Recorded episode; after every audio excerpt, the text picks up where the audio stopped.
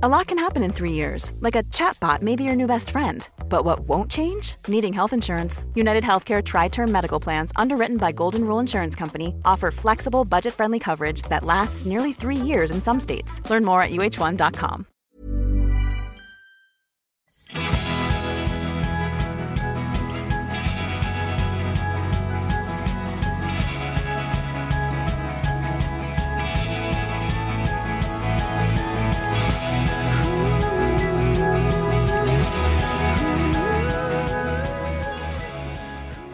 Välkommen till Food Pharmacy-podden, Eva Mörk. Tack så jättemycket, superroligt att vara här. Du är känd som hälsoingenjören, grundare till Elitista, grundare till den sockerfria dagen och nu även grundare till boken, eller upphovskvinna ska jag säga, till boken Sockerfria Guilty Pleasures. Precis, det är den senaste saken som jag har hållit på med här de sista månaderna. Mm, jag tänkte vi skulle prata lite mer om, om den, men eh, först tänkte jag bara fråga dig, varför behöver vi ha en sockerfri dag? Ja, men det finns ju kanelbullens dag och det finns kladdkakans dag och det finns många dagar där vi firar med socker. Men som motvikt för, till det så är det faktiskt bra att ha en sockerfri dag. Och det är ett sätt att faktiskt kunna höja kunskapsnivån och belysa hur socker och väldigt ultraprocessad mat faktiskt kan få fysiska och psykiska konsekvenser för väldigt mångas hälsa. Och det handlar absolut inte om att vi är några sockerpoliser som säger att, att socker, liksom, eh, vi ska aldrig mer äta socker. Men det kan vara väldigt bra att förstå varför är socker och processad mat eller ultraprocessade kolhydrater, varför är det farligare än att till exempel äta tre potatisar? Mm. Och det får man då eh, lära sig om man kommer på den sockerfria dagen. Det får man absolut göra, för det här är en kunskapsdag och det är att vi vill sprida egentligen kunskapen om hur, hur sockret och den processade maten kan påverka vår, vår biokemi. Och temat för i år är ett väldigt spännande tema. Det är faktiskt framtidens mat, framtidens hjärna. Wow. För, ja, för att allt vi äter, varenda tugga du tuggar så att säga, eh, påverkar ju alla celler i din kropp. Det bygger ju vet, dina nya hjärnceller, dina, dina nya blodceller, dina nya hudceller med proteinet och fettet och mineralerna och, och uh, så som du får i dig i kosten. Så att din hjärnhälsa är väldigt, väldigt eh, beroende på vad du äter. Mm. Mm. Jag tänkte lite med det här eh, på, jag tänkte lite på det här med sockerberoende.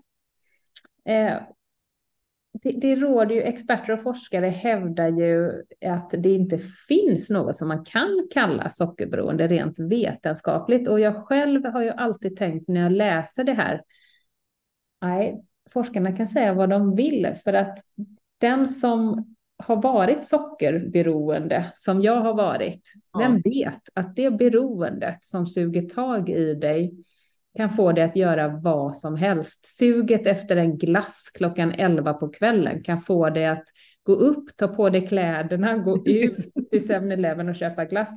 Det suget kan aldrig en broccoli eh, uppmana, eller hur? Riktigt. Och jag tycker liksom att, att de, de jag tror att det är väldigt viktigt att förstå att, att forskning är all ära. Men jag menar på 1800-talet, då kunde man ju inte bevisa att bakterien fanns. Du vet, det fanns ju läkare som inte tvättade händer mellan förlossningarna och patienterna dog. Och han blev väldigt hånad av hela läkarkåren och de tyckte, gud vad fånigt av honom att att tvätta händerna. Och, men han anade ju, han såg ju ett samband där, att när han tvättade händerna så var det fler kvinnor som, som överlevde. Mm. Och det mm. var ju för att man kunde faktiskt inte bevisa att bakterien fanns, men det betyder inte att den inte existerar. Den fanns där, men vi kunde inte bevisa det. Och jag menar, den mesta kunskapen ligger framför oss. Och mm. vissa experter här i Sverige uttalar sig, men om man skulle följa den här debatten på en internationell nivå i USA och England så finns det ju extremt starka auktoriteter, liksom de är läkare, professorer, som, som säger precis tvärtom. Så mm. Sverige är, jag ska inte säga att det är en ankdamm, men allting snurrar inte liksom bara om eh, vad, vad, experter säger i Sverige, utan det finns väldigt, väldigt mycket forskning på hur socker faktiskt kan, eh, kan påverka hjärnan så att man uppvisar då ett beroendeliknande beteende. Och det är precis som du säger, känner du någon som klarar av egentligen att helt sluta med socker? Nej, jag skulle faktiskt, det var en fråga jag hade till dig. Jag skulle fråga så här, hur utbrett är det här sockerberoendet skulle du säga? Och när jag skrev ner den frågan så tänkte jag så här, ja, det här var en intressant fråga. Känner jag någon som jag skulle säga inte ens har ett liksom litet sockerberoende? Och jag kanske känner en eller två, men eh, men nej, jag skulle våga säga att i princip alla jag känner lider av någon form av sockerberoende.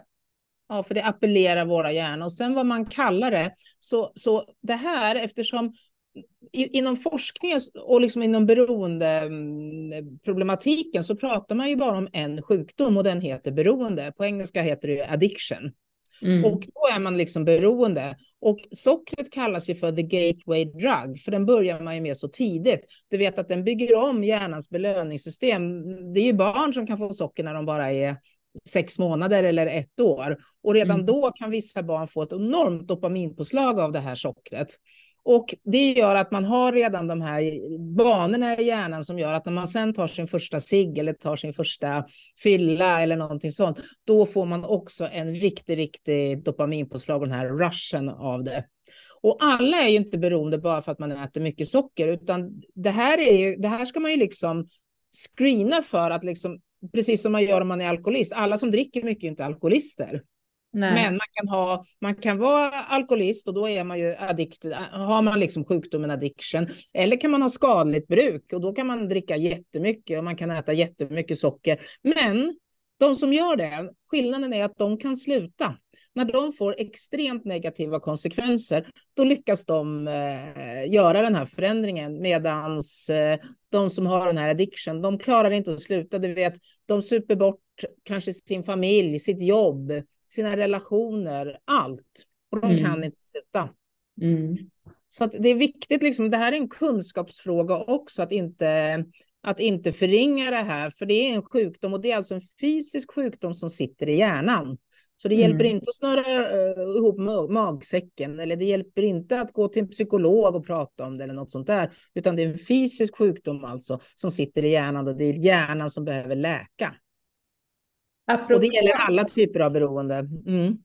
Apropå det här så tänker jag att um, så länge det inte finns någon diagnos, mm. alltså att vi kan säga att jag lider av sockerberoende, komma till eh, vården och få hjälp, så, så kommer vi ju inte heller kunna behandla och hjälpa alla människor som, som faktiskt lider. Det är inte bara sockerberoende skulle jag säga, utan det är ju faktiskt beroende av eh, den här maten, triggermaten som vi kallar den.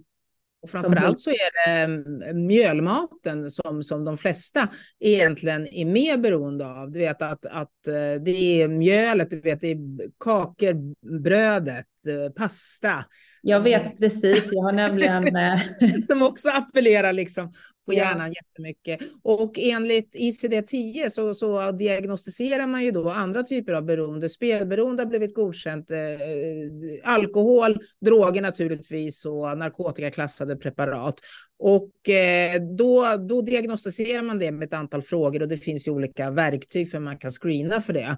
Och eh, jag vet ju att till exempel Bitten Jonsson och, och, och hennes eh, kompanjoner, de har jobbat väldigt hårt för att man just ska kunna screena sockerberoende för samma sak och den kallas för sugar. Att man gör då en, en screening och den, de frågorna är ju nästan exakt likadana som när det gäller alkohol eller, eller eh, andra droger. Och jag har ju gjort väldigt många sugar på många kunder och man kan verkligen se vissa mönster hos de som är beroende. De har en helt annan upplevelse från start egentligen hur, hur sockret och den processade maten har påverkat dem. Mm. Och vad, vad, gäller då när det kommer till, jag tänker på hur man kan bli frisk från den här sjukdomen. Är det som med alkohol total avhållsamhet? Alltså hade du frågat mig för tio år sedan så hade jag sagt ja. Och det kan hända att jag har fel så att säga. Jag, jag kan inte säga det. Däremot har jag sett i det samhälle vi lever nu att det är det är extremt svårt att hålla sig borta från allt socker. Alltså, det blir nästan ett beroende i sig. Du vet att först lade man ner jättemycket tid på att äta socker och sen la man ner all sin tid och kraft på att eh, hitta varenda liten sockergrej för att det kan trigga. Det jag har lärt mig är att ingenting är är statiskt här i livet. Alltså ingenting är statiskt, utan allting förändras. Hjärnor kan förändras, man kan bygga om hjärnan, man kan läka kroppar. Och jag tror att det där är väldigt, väldigt individuellt. Mm. En del klarar faktiskt sen att hålla det på en, på en, en annan nivå man läker och andra gör det inte. Men man Nej. spelar ju lite rysk roulette liksom när man inte eh, riktigt vet. Men vissa människor, alltså det är ju, de försöker att vet, om du skulle lägga 100 procent på ditt sockerberoende, då skulle du ägna all din lediga tid, du skulle vara helt tankebesatt av att äta hela tiden. Det är mer men beroendepersonligheten finns ju där, så det är mer socialt accepterat att, att dela upp beroendet lite. Du kan jobba 20 procent, du kan äta 20 procent, du kan eh, träna 20 procent, du kan kanske göra någonting annat på 20 procent. Och då blir det som en terrorbalans. Jag säger inte att det liksom är rätt kanske att göra så, men det brukar vara enklare för en sån person att hitta liksom balansen där än att, att för tar man bort alla, allting, då blir många mår ju jättedåligt, så börjar de shoppa istället och så börjar man eh, dricka mer alkohol eller så börjar man jobba eller så är man otrogen och börjar missbruka relationer. Så det är inte smärtfritt heller att bara sluta med en drog. Nej. Utan då börjar nästan alla med andra saker. Så man ska ha respekt för det här, hur man faktiskt ska kunna balansera det. För det är en del av ens personlighet också, det där att man, man eh, gör väldigt mycket och, och, och vill göra väldigt mycket också. Eva, hur är din relation till socker? Den, alltså förut så har jag ju varit extremt fixerad vid socker, alltså under hela min tonår. Jag, jag har alltid älskat allting som är sött. Och det gjorde jag från barnsben. Och det är liksom ett tydligt tecken så att säga på att man, man har det här, man får den här kicken. Mm. Jag vet inte om du har märkt när du har haft barnkalas när du var yngre, att vissa barn älskar fiskdammen och vissa barn vill inte ens komma och, och ta sin godispåse, de tycker det är roligare att leka. Så att, mm. vissa barn, och jag var ett sånt barn, jag verkligen älskade allting sött. Och sen hade jag turen att få hjälp liksom redan 2001 och eh, fick behandling för det här och var sockerfri i många, många år. Tog, eh, tog återfall då och, eh, och strulade under många år och åt lite socker och, och blev egentligen ganska tankebesatt av att inte äta socker. Och jag lovar, det var inte heller skönt.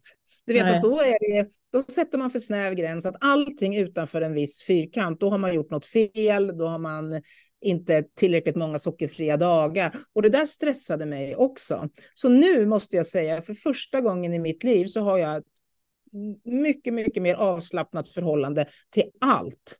Du vet, mm. i hälsobranschen, då tror man ju att allt är giftigt, eller hur? Du vet, man kan, måste äta kött som är gräsbetat och man måste äta det och det måste vara så. Och kan man verkligen äta det här? Och jag har släppt allt det där.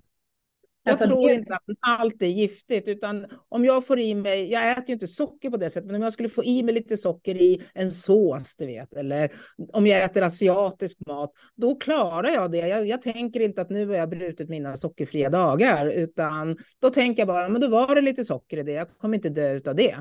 Mm. Och och hjärnan har läkt för jag har gett den så mycket mer näringsrik mat. Jag äter på ett annat sätt som gör att jag inte får samma sug längre.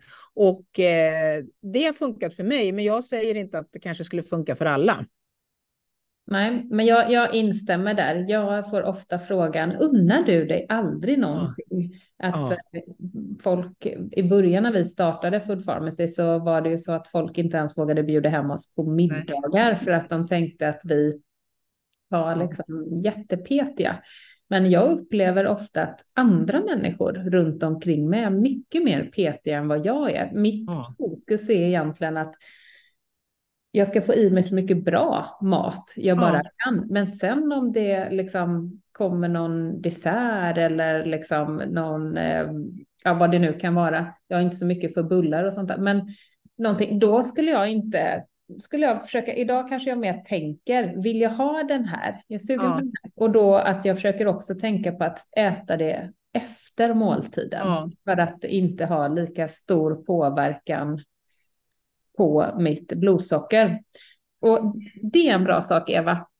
För jag vet att du säger det på din föreläsning att runt 16 och 31 tror jag det var.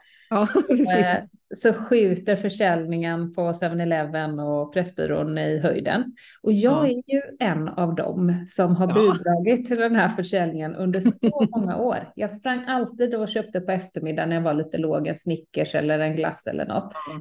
Eh, och om jag får det suget idag någon gång, då kan jag ju logiskt diskutera med mig själv att nu äter jag någonting. Nu väljer jag ja. Kanske att äh, äta någonting, men då väljer jag att äta någonting bra. Ja.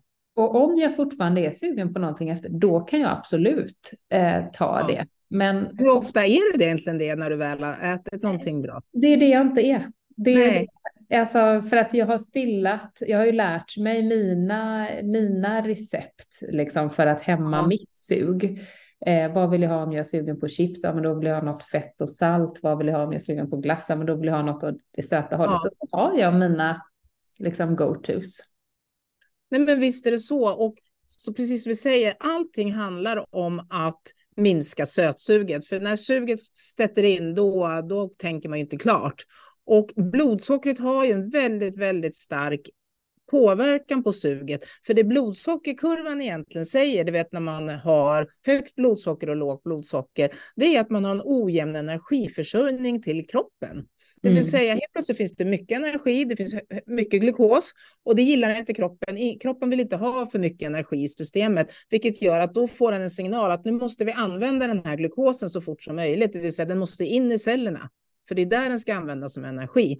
Och då får man ju helt plötsligt eh, lite energi i systemet. Och där vill ju kroppen inte heller vara, för den vill inte ha för lite energi heller. Och då får man en väldigt stark signal att man måste höja energinivån. Så suget kommer ju av att man, att man har en ojämn energiförsörjning.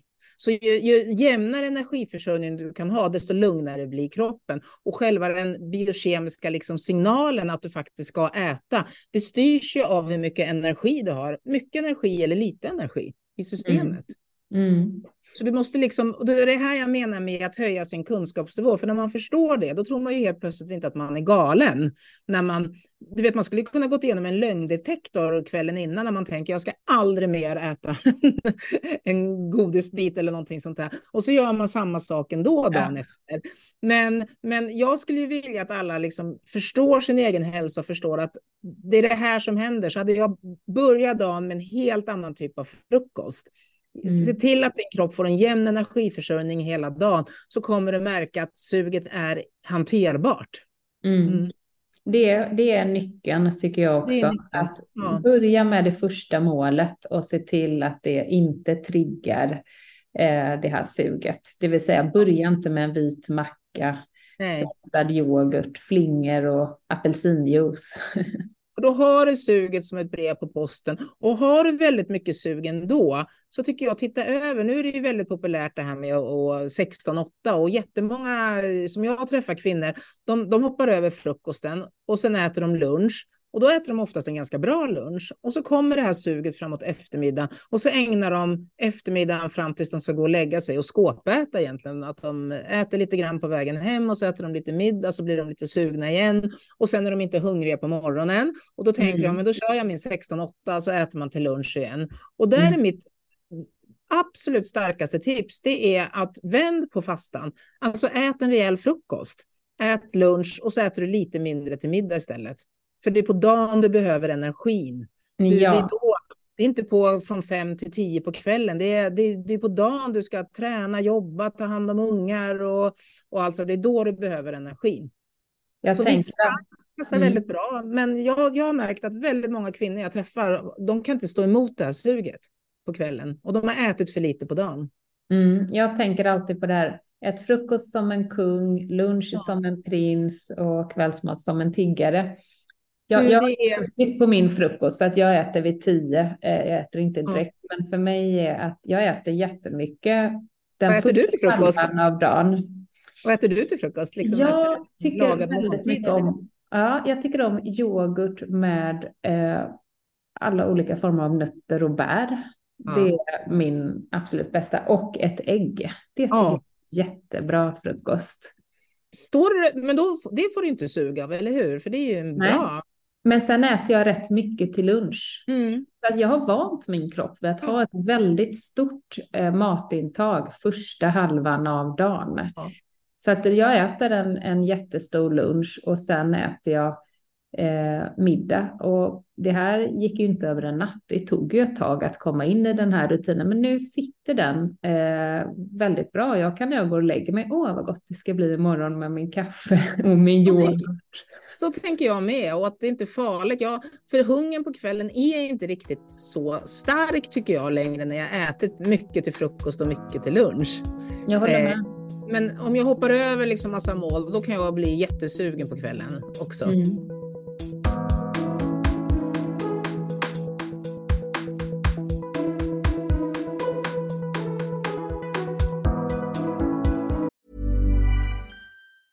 Quality sleep is essential. That's why the Sleep Number Smart Bed is designed for your ever evolving sleep needs. Need a bed that's firmer or softer on either side? Helps you sleep at a comfortable temperature? Sleep Number Smart Beds let you individualize your comfort so you sleep better together. JD Power ranks Sleep Number number 1 in customer satisfaction with mattresses purchased in-store. And now, save 50% on the Sleep Number limited edition Smart Bed for a limited time. For JD Power 2023 award information, visit jdpower.com/awards. Only at a Sleep Number store or sleepnumber.com. When you're ready to pop the question, the last thing you want to do is second guess the ring. At BlueNile.com, you can design a one-of-a-kind ring with the ease and convenience of shopping online. Choose your diamond and setting. When you find the one, you'll get it delivered right to your door. Go to Bluenile.com and use promo code LISTEN to get $50 off your purchase of $500 or more. That's code LISTEN at Bluenile.com for $50 off your purchase. Bluenile.com code LISTEN.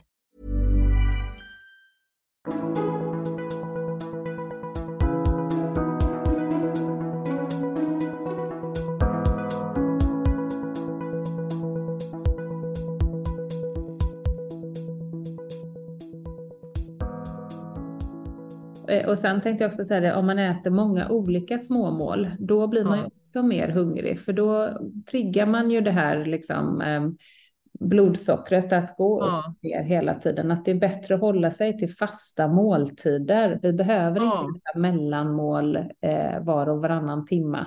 Nej, för är man hungrig då, då tror jag att man ska försöka äta mer när man väl äter istället.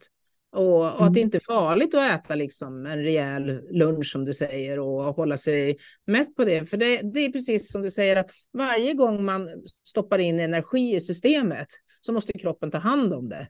Mm. Och det stressar ju kroppen så fort vi håller på och, och äter. Då måste den här energin in i cellerna och tas hand om. Och då blir det mycket energi i en period i, i systemet. Och sen får man ju ofta den här dippen att det är lite energi. Vi vill hålla den här energiån jämn. Vad äter du till frukost kommer jag på. Det är jag som intervjuar dig. jag är alltid nyfiken på vad alla äter till frukost. Jag tycker det är jättekul att höra. Nej, men mm. Jag kan äta lite olika faktiskt, men jag tycker väldigt mycket om att äta rester. Alltså, ibland äter jag rester från middagen. Det är nästan ofta så då, att man kanske har lite någon köttfärsbiff eller lite kyckling eller någonting och då gör jag det enkelt för mig. Men om jag verkligen skulle vilja äta liksom en lite mer traditionell frukost, då tycker jag om att äta kokosgurt också med lite hemgjord granola och, och blåbär. Och sen bakar jag ju mitt bönbröd. Mm. Eh, på kikärtor, du vet, jag mixar en burk kikärtor med lite fiberhusk och kryddor och sen så gör jag som bönbullar. Sen var det någon som sa till mig, ja men kikärtor är väl inga bönor. Och jag vet inte varför jag kallar det för bönbröd, men, men det där brödet blir faktiskt väldigt gott och så brukar jag rosta det och lägga på skivor av kalkon och oh, gurka och sådär. Och det tycker jag, det är verkligen så frukost som jag verkligen kan, ja, som jag njuter av jättemycket. Och, och bönbrödet är mycket fibrer i, jag står mig väldigt bra på det. Så jag har med mig det här bönbrödet så fort jag är ute och reser du vet, eller ska göra någonting. Om jag ska bo på hotell, då har jag med mig bönbrödet. Eftersom inte det innehåller något ägg eller något, så kan det ju vara i rumstemperatur. Och så rostar jag det alltid när jag är på en hotellfrukost. Och då kan jag lägga på äggröra eller någonting på ja. Du, det, det där receptet får du gärna dela. Jättegärna, och tro mig, alltså de som har gjort det, de säger att det är, det är helt fantastiskt alltså. Och man kan göra det på ägg också och då blir det lite, men då, håller det, då kanske man bevarar lite i kylskåp. Jag gillar att jag kan ha det, det håller sig nästan två dagar i min handväska så att när man är ute och gör grejer då kan man bara stoppa det i en rost någonstans. Ja, perfekt ju. ja, jag tycker det är jättegott. Jag, ja, jag gillar faktiskt, jag gillar bönor nämligen. Jag tycker det, är, det passar min biokemi att äta bönor, mycket fibrer och jag blir mätt på det länge. Mm, jag älskar också bönor. Du gör det? Ja. ja, älskar det. Eh, jag befinner mig faktiskt, jag, gör, jag är på min tredje dag i, eh, på min fasting mimicking diet ah. idag. Så jag tycker det var väldigt eh, härligt, extra härligt att höra om, om ditt goda bröd faktiskt. Ja, men mår du bra nu eller är du trött eller känner du dig pigg? Nej, jag känner, jag känner mig bra. Jag kände att de första gångerna jag gjorde det här så tar det ett tag att liksom komma in i det rent mentalt. Mm. Och få tilltro till sig själv och förstå liksom hur kroppen reagerar. Men det blir bara enklare och enklare tycker jag. Eh, sen så är det ju otroligt tråkigt. Det är ju väldigt tråkigt. Det är mitt största problem. Att så här, jag går omkring och tänker, jag pratade med Mia om det i morse, livet har liksom inte så mycket mening. Då tänkte jag, är, är jag så här olycklig och går och dövar liksom känslorna med mat, skämt åt sido, men det är ändå många intressanta insikter man får när man går och har så här tråkigt när man inte kan äta. Ja, och framförallt tror jag det är valfriheten och veta att nu måste jag äta det där. Och om du är sugen på något annat eller om någon ringer och frågar ska du med och käka middag ikväll, då kan du inte det för att du är liksom, det är bestämt vad du ska äta. Det kan ju vara lite begränsande ibland. Verkligen. Men apropå den här fastan, tycker du att eh, det har hjälpt dig med sockersug, att bli av med sockersug? Ja. Mm, jag håller med nämligen. Ja, jag tycker jag tror verkligen på det här med metabola flexibiliteten. Att, att inte hålla på och gå på någon kalorireduktion, du vet, hela tiden. Utan ibland äter man lite mer och sen ibland äter man lite mindre och låter kroppen vila. Men man mm. vattenfastar inte helt för att det är väldigt stressande för kroppen. Och där tycker jag, när jag har vattenfastat, det har triggat mig istället. När jag väl har börjat äta, då har jag varit så hungrig så jag har ätit allt. Ja, du har typ ja. överätit nästan. Det är överätit mm. på något sätt och det har varit liksom kontraproduktivt. Liksom mm. det, det, blev ingenting för att först fastade jag och sen åt jag jättemycket. Så mm. det blev inget bra. Medan när jag gör den här simulerade fastan så äter jag lite grann och när jag väl börjar äta så då är ändå systemen igång. Det är inte så att jag måste vräka i mig mat och jag blir faktiskt mätt mycket, mycket snabbare. Mm jag, jag behöver inte äta lika mycket och jag känner mig väldigt lugn i kroppen och nöjd och pigg liksom efter de här fem dagarna. Mm, jag håller med. Det är därför man Verkligen att rekommendera och testa det faktiskt. För att man tror inte det, att man kan må så bra av det. Men ändå mm. att man kan få äta lite grann. Mm. Apropå äta, Eva. Eh, de sockerfria guilty pleasures som vi talade om här i början. Eh, du har ju faktiskt tillsammans med din man eh, ja. tagit fram en bok. Och bland annat har ju Mia och jag från Food Pharmacy delat ett recept, men jag vet att väldigt många andra, Ann Fernholm, Johannes Kullberg och andra hälsoinfluencers, som man ska kalla dem det, har delat eh, recept på så kallade sockerfria guilty pleasures. Det här är ju en fantastisk idé till en bok och den blev ju jättefin och bra. Ja men tack. Och jag håller med, för att precis både du och jag, alla vi som kanske jobbar inom den här branschen, får ofta frågan, men hur njuter du då? Och, och vad gör du när du vill äh, sitta i soffan liksom och bara äh, se någonting? Och då vill man ju inte liksom, nej, det, det, var många år sedan jag skulle sätta mig i soffan liksom och äta någon, någon godis eller någonting sånt där. Det, den kopplingen finns inte längre. Men jag vill verkligen visa, för att jag har lärt mig så mycket under de här åren, att njutningen sitter faktiskt inte i mängden socker, utan det handlar om andra saker och det finns alternativ och man kan välja andra grejer. Och det började egentligen med att jag för några år sedan eh, var hemma hos Babben på hennes sommarstuga på Gotland. Och då låg vi, på något sätt fastnade vi för lite så, vi var trötta och du vet då. Och då låg vi och tittade på såna här serier som Kardashians eller Say Yes to the Dress och sånt där. Och då blev vi sugna på någonting och då åkte vi och köpte rökta laxfenor och la i en påse och åt. Och då var det liksom sån känsla att vi låg med de här rökta laxfenorna och njöt verkligen. Så tittade vi på eh, Kardashians och så sa vi det här är ett riktigt guilty pleasure fast det är sockerfritt. Mm. Och efter det så har vi liksom fortsatt att diskutera det här med sockerfria guilty pleasure. Och som femårsjubileum nu till den sockerfria dagen så tänkte jag det kan väl vara ett bra tips att visa liksom och alla som vill liksom kanske dra ner lite på sockret och, och där. Att det finns massa olika saker som, eh, som man faktiskt kan njuta av fast det innehåller inte så mycket socker. Och ni har ju ett fantastiskt recept där. Alltså, mm. det var två recept som vi sa. Gud, det ena var ert som var så gott så att man tänkte tänkte verkligen det här vill jag äta till frukost, lunch och middag. Ja. Eh, och det andra var faktiskt Dr. Peter Martin.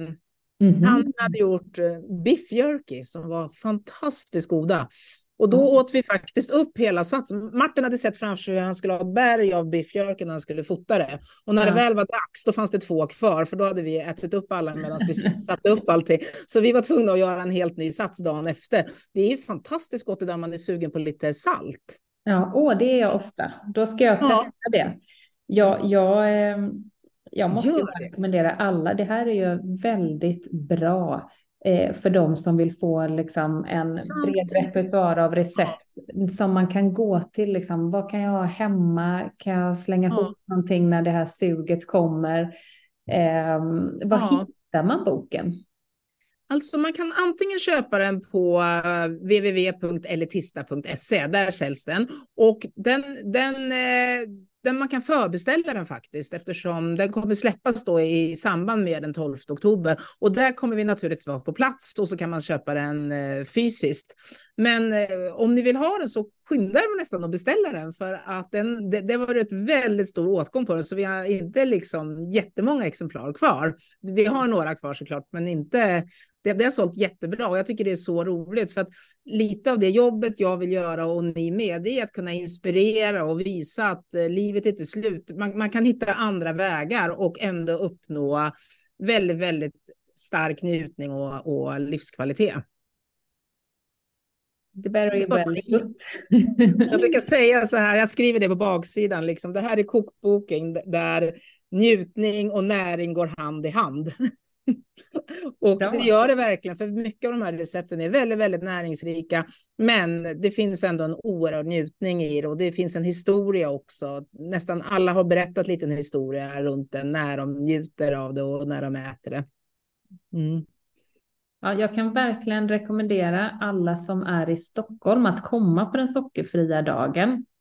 Eh, och eh, också att köpa den här fantastiska boken, Sockerfria Guilty Pleasures. Eh, om ni vågar vänta till eh, då den 12 oktober ja. eh, så kan ni köpa den på plats, men annars så beställer ni den på elitista.se.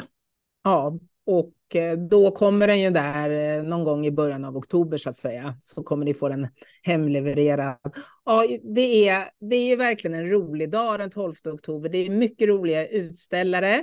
Och eh, i år är det ju framtidens mat, framtidens hjärna, så det är lite, rolig, det är lite roliga leverantörer där som kommer med, med lite smakprov på, på bra mat som är bra för hjärnan, som är bra för kroppen, men också är bra för miljön.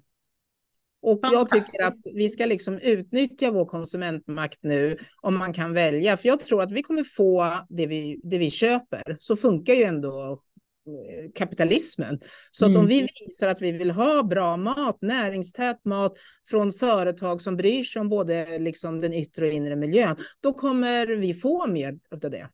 Men så länge vi fortsätter att köpa näringsfattig mat som inte innehåller speciellt liksom, bra grejer för oss, då kommer vi få ett större utbud av det. Så det är, mm. makten ligger hos oss. Mm. Det är vi som bestämmer i slutändan vad vi ska ha för utbud. i, i affären. Verkligen. Tack så jättemycket Eva att du kom. Men tack för att jag fick vara här. Jag ser verkligen fram emot den 12 oktober och när vi ses där. Det ska bli mm. jättekul. Och vi lottar ju ut lite biljetter. Eh, vi har inte, vi har lottat ut en del så att vi har inte alla kvar, men eh, håll utkik på vårt Instagram om ni eh, vill försöka vinna en biljett. Oh, men vad roligt. Tack så ja. hemskt mycket. Tack så mycket Eva.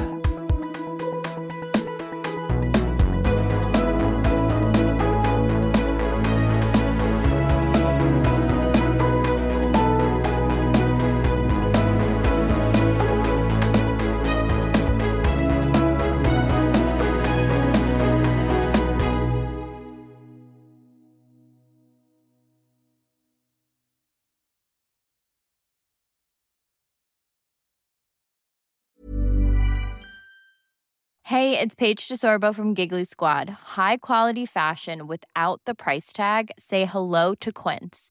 I'm snagging high-end essentials like cozy cashmere sweaters, sleek leather jackets, fine jewelry, and so much more. With Quince being 50 to 80% less than similar brands. And they partner with factories that prioritize safe, ethical, and responsible manufacturing. I love that. Luxury quality within reach. Go to quince.com slash style to get free shipping and 365 day returns on your next order. Quince.com slash style.